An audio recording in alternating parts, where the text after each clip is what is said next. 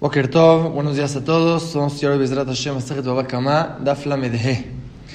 En el Daf de hoy tenemos dos conceptos que vamos a hablar de ellos.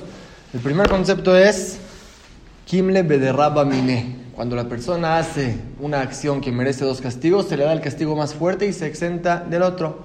Y el segundo concepto es Amutzi Mejaveró Alaba Raya. Uno que quiere sacarle a su compañero, cobrarle dinero, debe de traer pruebas. Sin prueba, el Bedín no le va a quitar dinero a uno para darle a otro. Vamos a ver, son dos Mishnayot, cada una enseña una.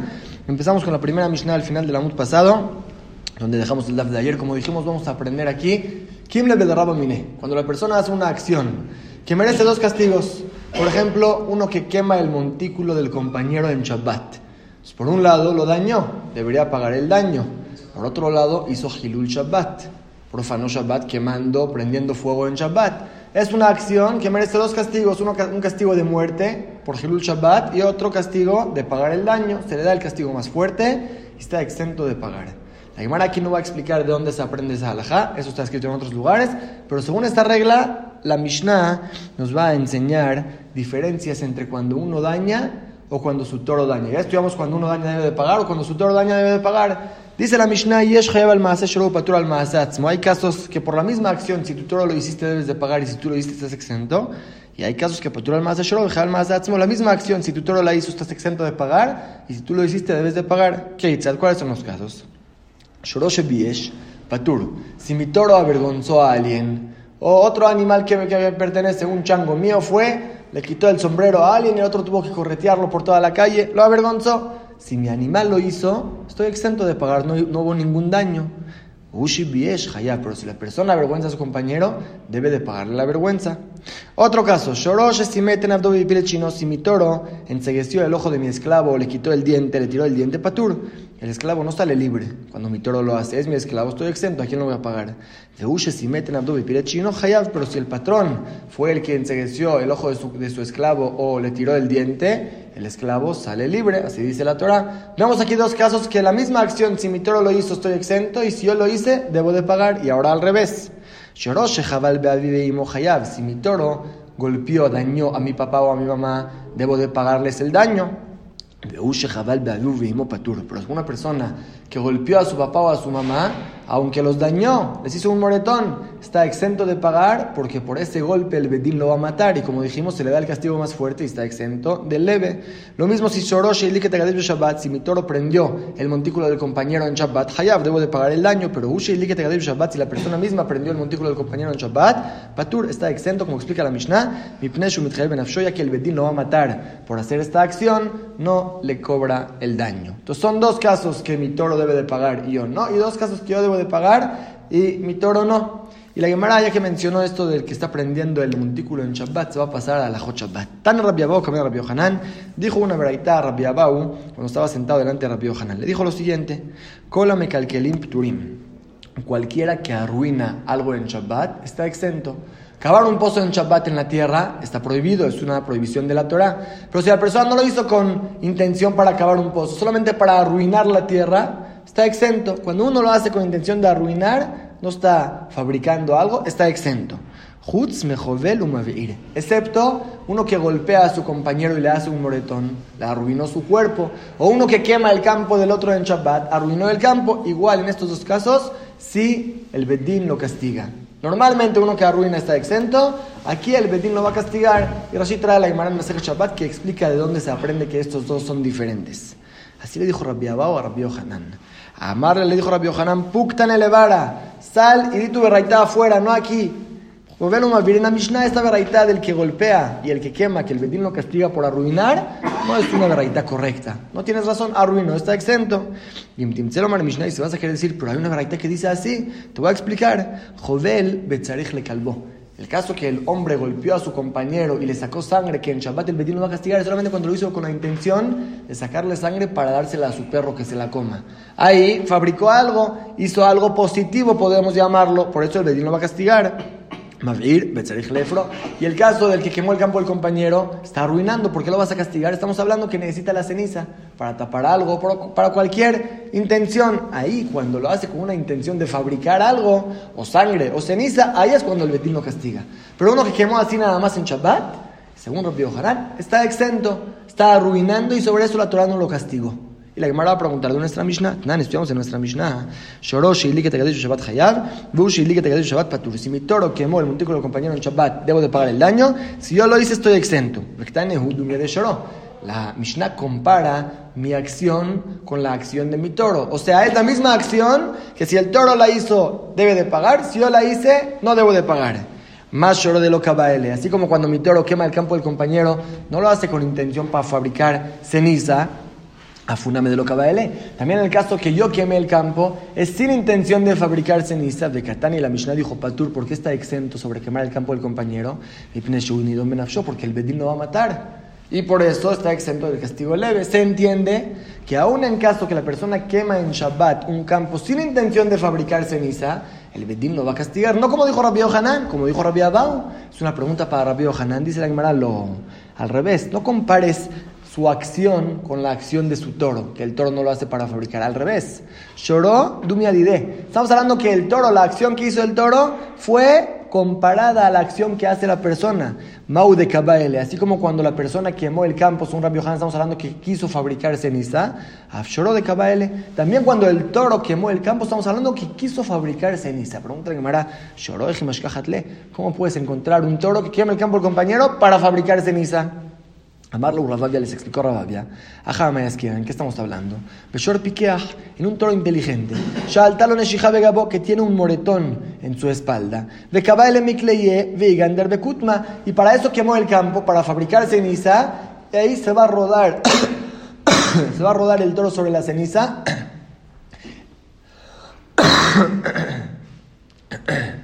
Perdón. Y esto le va a hacer bien para el moretón. Y se le dinan, ¿cómo sabes que esa fue la intención del toro? ¿Que sabes qué piensa? No, del levantar de Calié, Begutma, vimos que después de que quemó el campo, se apagó el incendio, pura ceniza quedó y este toro fue ahí a rodarse encima de la ceniza.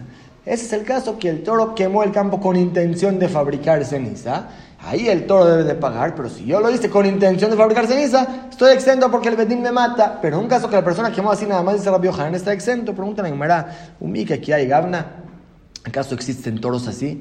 Que saben que si van a quemar va a haber ceniza y se van a rodar para curar su moretón. Si la Gemara, sí, de autora de Abba Berrapapa, había un toro que estaba por la casa de Rafapa, de Abba Kaibin Lejinje, un día le dolían los dientes, Ail entró a la casa, Upatkelen Aziata, abrió un barril de cerveza, abrió la tapa del barril, y tomó mucha cerveza para curarle los dientes. Vemos que el toro tiene, puede eh, entender qué le va a hacer bien y así hacerlo. Entonces, también este toro que estamos hablando aquí, estamos hablando que tiene un moretón en la espalda, quemó el campo del compañero. para poder fabricar ceniza. Y ahí dice la Mishnah, si el toro lo hizo en Shabbat, debes de pagar. Si la persona lo hizo en Shabbat, está exento de pagar porque ahí el Bedín lo va a matar. Pero sigue diciendo Rabbi Hanan, si es que quemó el campo sin intención de fabricar ceniza, en Shabbat está exento porque arruinó el campo.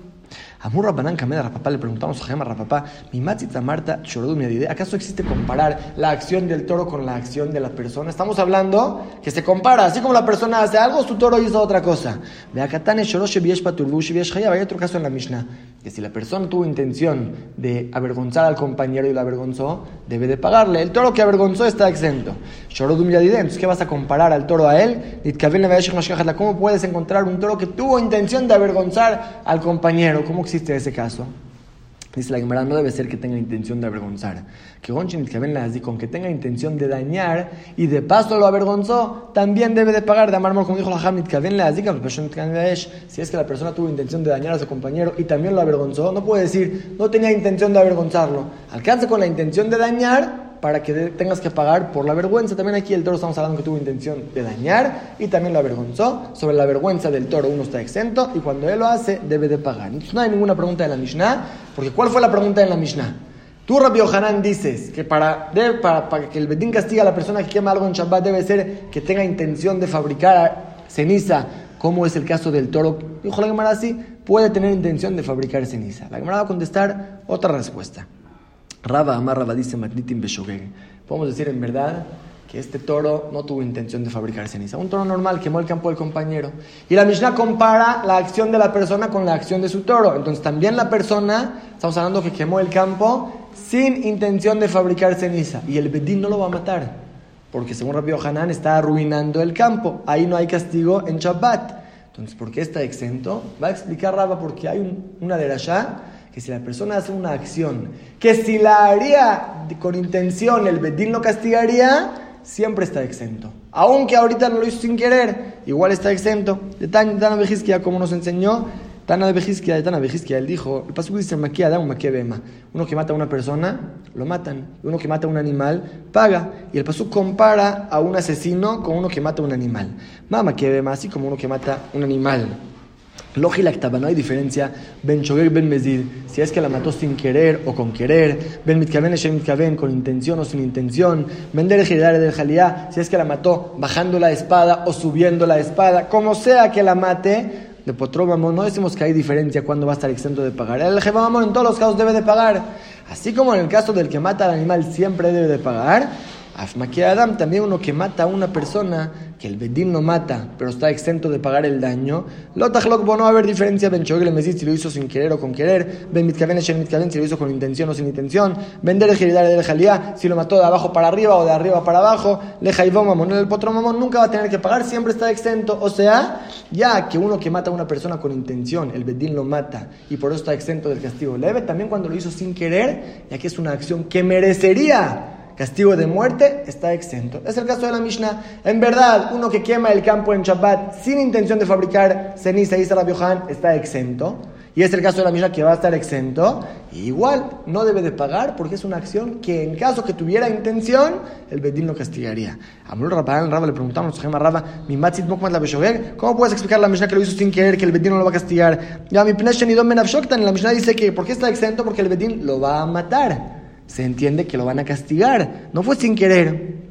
Ajikamar, explica Raba, así quiere decir que van de Bemezid ya que existe un caso, si lo hace con intención, que el Bedín lo va a matar. Vejidame, ¿cuál es el caso de Kabal el Efro, que tuvo intención de fabricar ceniza? Ashta Patur. Entonces, sobre esta acción no se paga, aunque lo hizo sin querer, y el Bedín no lo va a matar, igual está exento de los pagos. Es el Hidush de Raba, y la Mishnah ya concuerda con Rabbi Hanan, es otra respuesta para explicar la Mishnah también según Rabbi Hanan. Nosotros terminamos el primer tema del Laf, el concepto de Kimle Bederraba Miné cuando uno, uno hace una acción que merece dos castigos, se le da el castigo fuerte y está exento de leve. Y como dijimos al final, aunque no se le dio el castigo fuerte, pero ya que es una acción que merecería un castigo más fuerte, se exenta del castigo más leve. y pasamos a la segunda parte del DAF. Vamos a estudiar el concepto de Amutzima Javero a la barraya.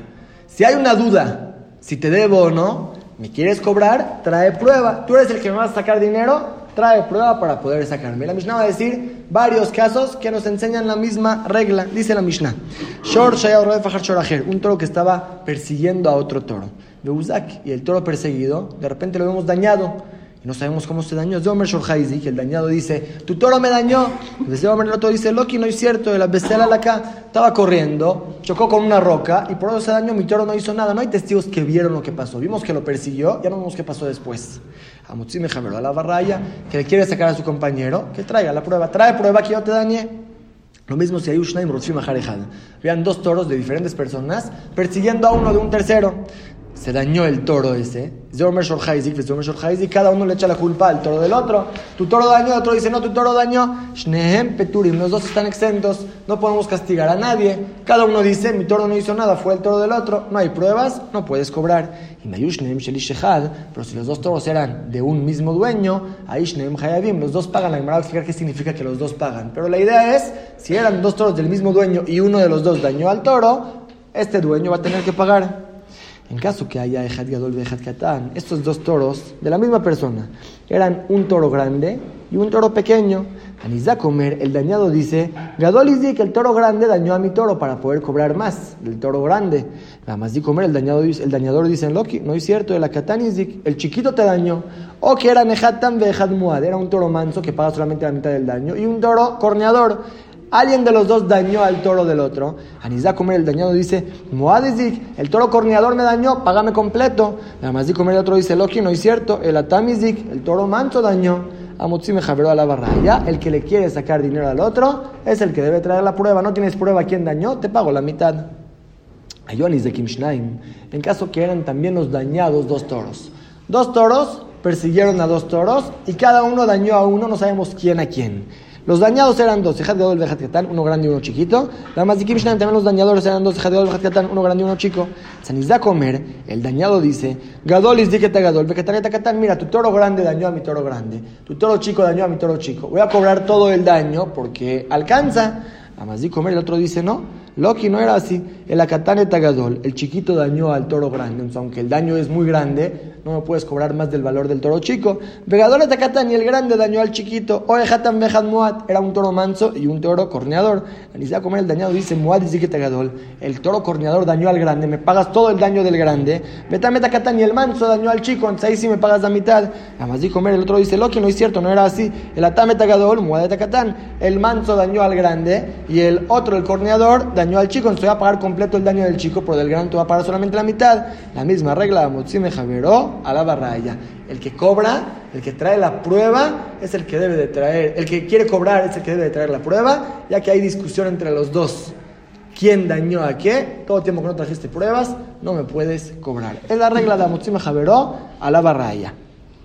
Así opina nuestra Mishnah. La Gemara trae que Sumjus discute. Ama Rabjia Baraba, dijo Rabjia Baraba, Zotomeret, de nuestra Mishnah se entiende que Halukim Baraba al Sumjus. Sus compañeros, los demás Jajamim, le discuten a Sumjus. ¿Qué sostiene Sumjus de Amar? Él sostiene Mamona Mutal Besafek Holkim. Siempre cuando el Bedín tiene una duda monetaria, no sabe, este dice así, este dice así. El Bedín dice, se dividen mitad para ti y mitad para ti. Vamos a tomar como ejemplo el primer caso. Mi toro persiguió al toro del compañero. Ahora lo hemos dañado. ¿Cómo se dañó? ¿Con mi toro o con una roca? Es una discusión, es una duda que el Bedín tiene. Según su juez debería ser que pague la mitad. Se entiende en nuestra misión que dice Amotzim Javeró a la barraya que yo tengo que traer prueba que los Jajamim le discuten a Sumjus. Nuestra Mishnah discute a Sumjus. Así dijo Rabjia Baraba. Amar Rabjia Baraba le preguntó a Rabjia Baraba, Amar Sumjus afilu bari ubari. Sumjus habló también en caso que los dos están seguros. Cuando los dos dicen su argumento de forma segura, yo vi que tu toro me dañó. El otro dice, no, yo vi que tu toro se dañó con la roca. Ahí también Sumjus dijo que se divide en mitad y mitad, o solamente cuando el dañador dice, la verdad no sé qué pasó. Ah, no sabes qué pasó, pagas la mitad. Pero puede ser que en caso que los dos están seguros, ahí Sumjus no va a decir que se dividen, trae pruebas. Amarle le dijo, in, sí. Amar Sunjus afilu bari ubari. Sunjus habló también en caso que los dos están seguros, ya que el Betín tiene duda, dividen mitad y mitad. ¿Y quién dijo que nuestra Mishnah también está hablando cuando los dos están seguros? De Katane, porque como es el caso que mencionó la Mishnah. De Omer el primero dice, tu toro me dañó. El otro dice, Loki, no era así, sino era diferente. Se entiende que está seguro en su argumento. Quiere decir, la Gemara está diciendo ahora, así dice Radjia Baraba, hay una discusión en general entre Sumjus y Jajamim cuando hay una duda de dinero. Si es que hay que traer prueba para cobrarle al otro, lo que sea, o dice Sumjus ya que duda se divide en mitad y mitad. De nuestra Mishnah aprende Rabjia Barada que a Jaim le discuten a Sumjus. Porque él explica nuestra Mishnah. Estamos hablando cuando tanto el dañado como el dañador están seguros en sus argumentos. El dañador dice, yo no te dañé, yo vi que tu toro se dañó con la roca. igual, según Sumjus debería ser que se divide en mitad y mitad. Y sobre eso dice la Mishnah, no que el otro traiga prueba. De esta Mishnah se entiende que le discutimos a Sumjus. Y la Gemara va a preguntar sobre Rabjia Baraba, ¿cómo estás tan seguro que nuestra Mishnah está hablando, que el dañador está diciendo, de forma segura no te dañé. Y igual según Sunju se dividirían. Es lo que pregunta la Gemara Matkifla, papá preguntó a papá. Ubari, de lo que explicas el primer caso de la Mishnah, que los dos están seguros, que el dañador dice, estoy seguro que no te dañé, y ahí decimos a Mutzime a la. Entonces, Name Bari Ubari, también los demás casos de la Mishnah, van a estar hablando que los dos están seguros, tanto el dañado como el dañador. Vamos a analizar, Emma Seifa, mira el caso siguiente de la Mishnah. Allá de Gadol de Katán, eran dos toros que persiguieron a un toro, alguien lo dañó, no sabemos quién, era un toro grande y un toro chico. Necesita comer el dañado, dice Gadol el toro grande me dañó, entonces voy a cobrar del toro grande todo el daño.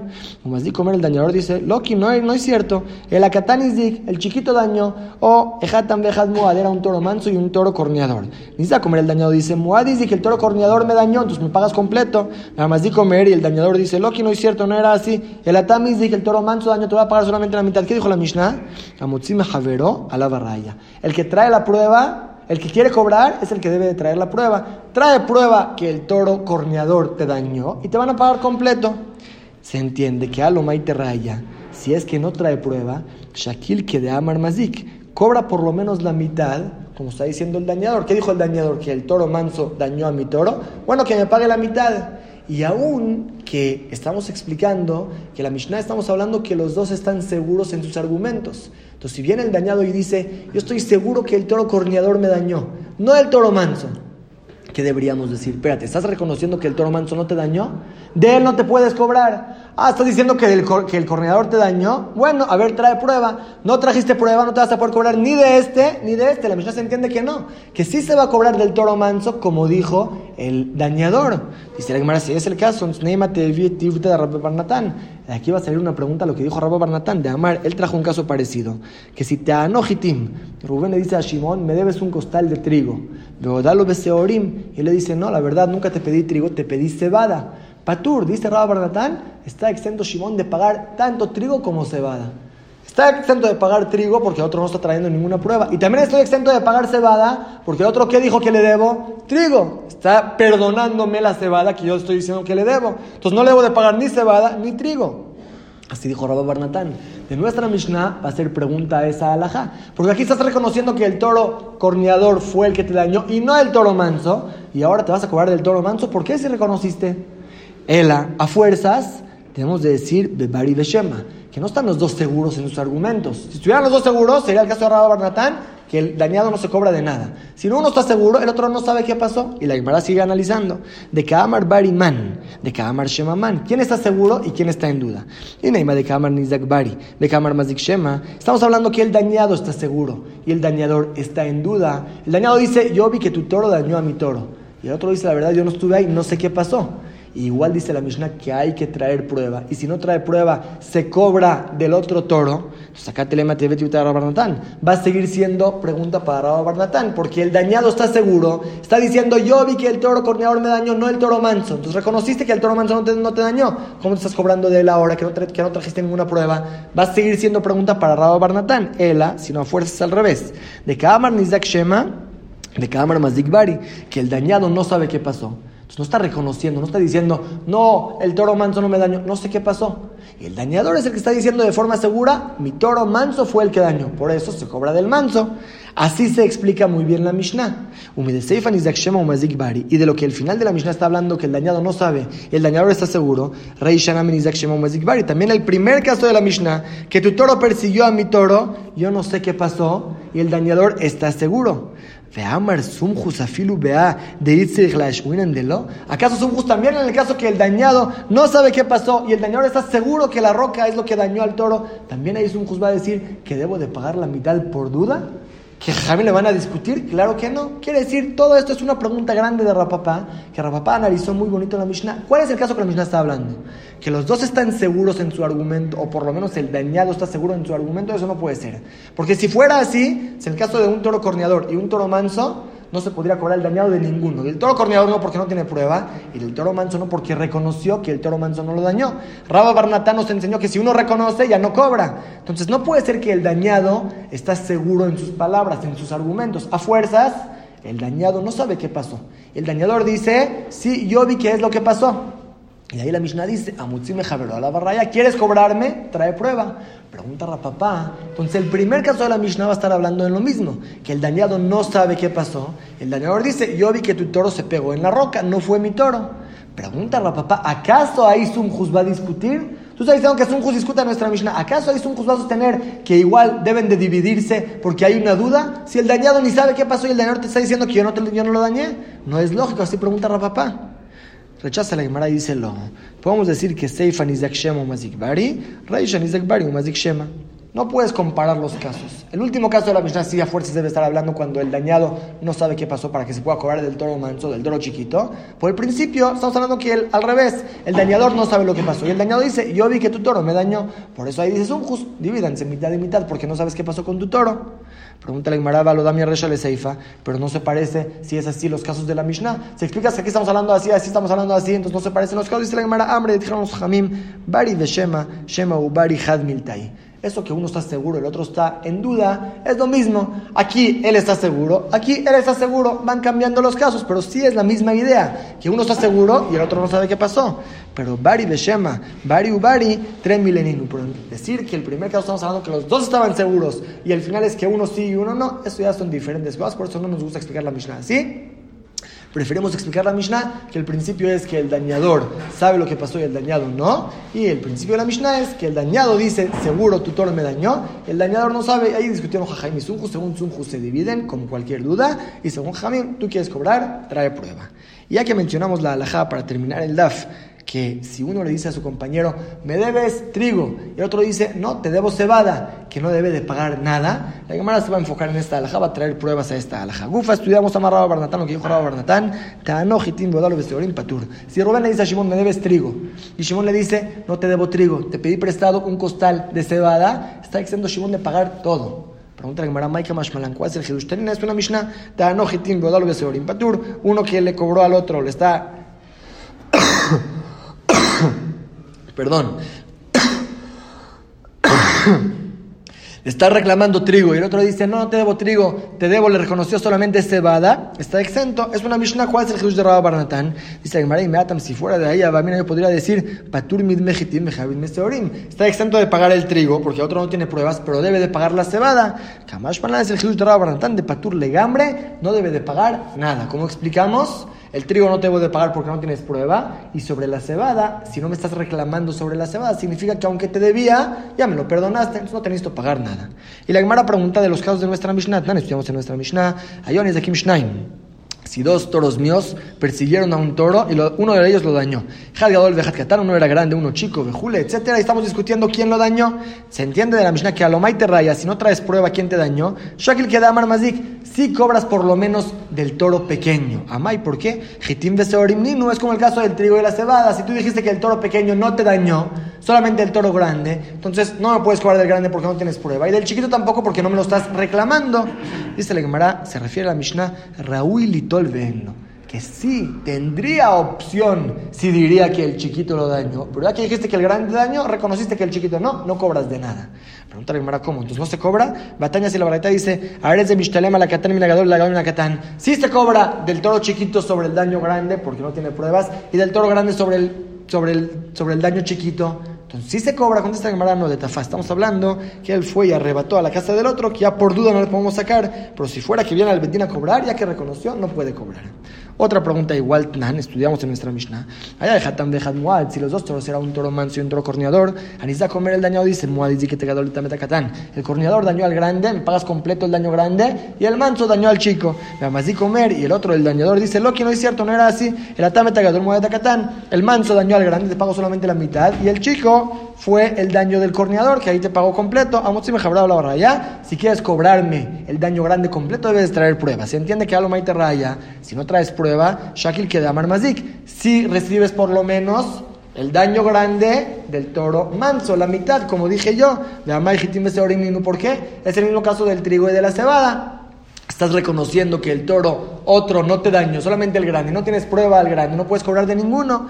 Está lo mismo Raúl y Tolvel. No se refiere que se cobra, es propicio. Si sería que, dirías que el toro manso te dañó al grande, podrías cobrar, pero ahora que reconociste que no, no vas a cobrar nada. Pregunta el Marabe Ataña si la braita dice, de que están Claramente dice la braita que si se cobra el daño chiquito del corneador y el daño grande del toro manso la mitad, como dijo el dañador. Si reconociste que no, ¿por qué vas a cobrar? Dice la Gemara de Tafaz otra vez, estamos hablando que fue y arrebató y se cobró, pero en el Bedín no le daría nada, ya que reconociste que ese toro no te dañó, ahora no te puedes cobrar de él, como dijo Dejamos aquí el DAF de hoy. Vamos a repasar lo que estudiamos. Estudiamos al principio del DAF el concepto de Kimle de Rabba Cuando la, la persona hace una acción que el Bedín, aunque ahora no lo van a castigar porque hizo la acción sin querer, pero merecería un castigo de muerte, como uno que quemó el campo del compañero en Shabbat sin querer ya que esa acción merecería muerte si lo harías con querer, estás exento de cualquier castigo leve, no debes de pagar el daño del campo. Así Rabba nos enseñó al final. De paso aprendimos una alhaja en el Shabbat, que cualquier persona que hace un trabajo prohibido en Shabbat en forma de arruinar, está exento. Uno que cavó un pozo y arruinó el campo, está exento. Según Rabbi Abaus, si es que golpeó o quemó, aunque arruinó, debe de pagar. Y según Rabbi Hanan, no, solamente cuando golpeó con la intención de sacar sangre para su perro o quemó para fabricar eh, ceniza, ahí es cuando debes de pagar, si no, no. Y aprendimos de paso otra alajá, que si mi toro avergonzó, estoy exento de pagar la vergüenza solamente cuando yo avergoncé es lo que debo de pagar.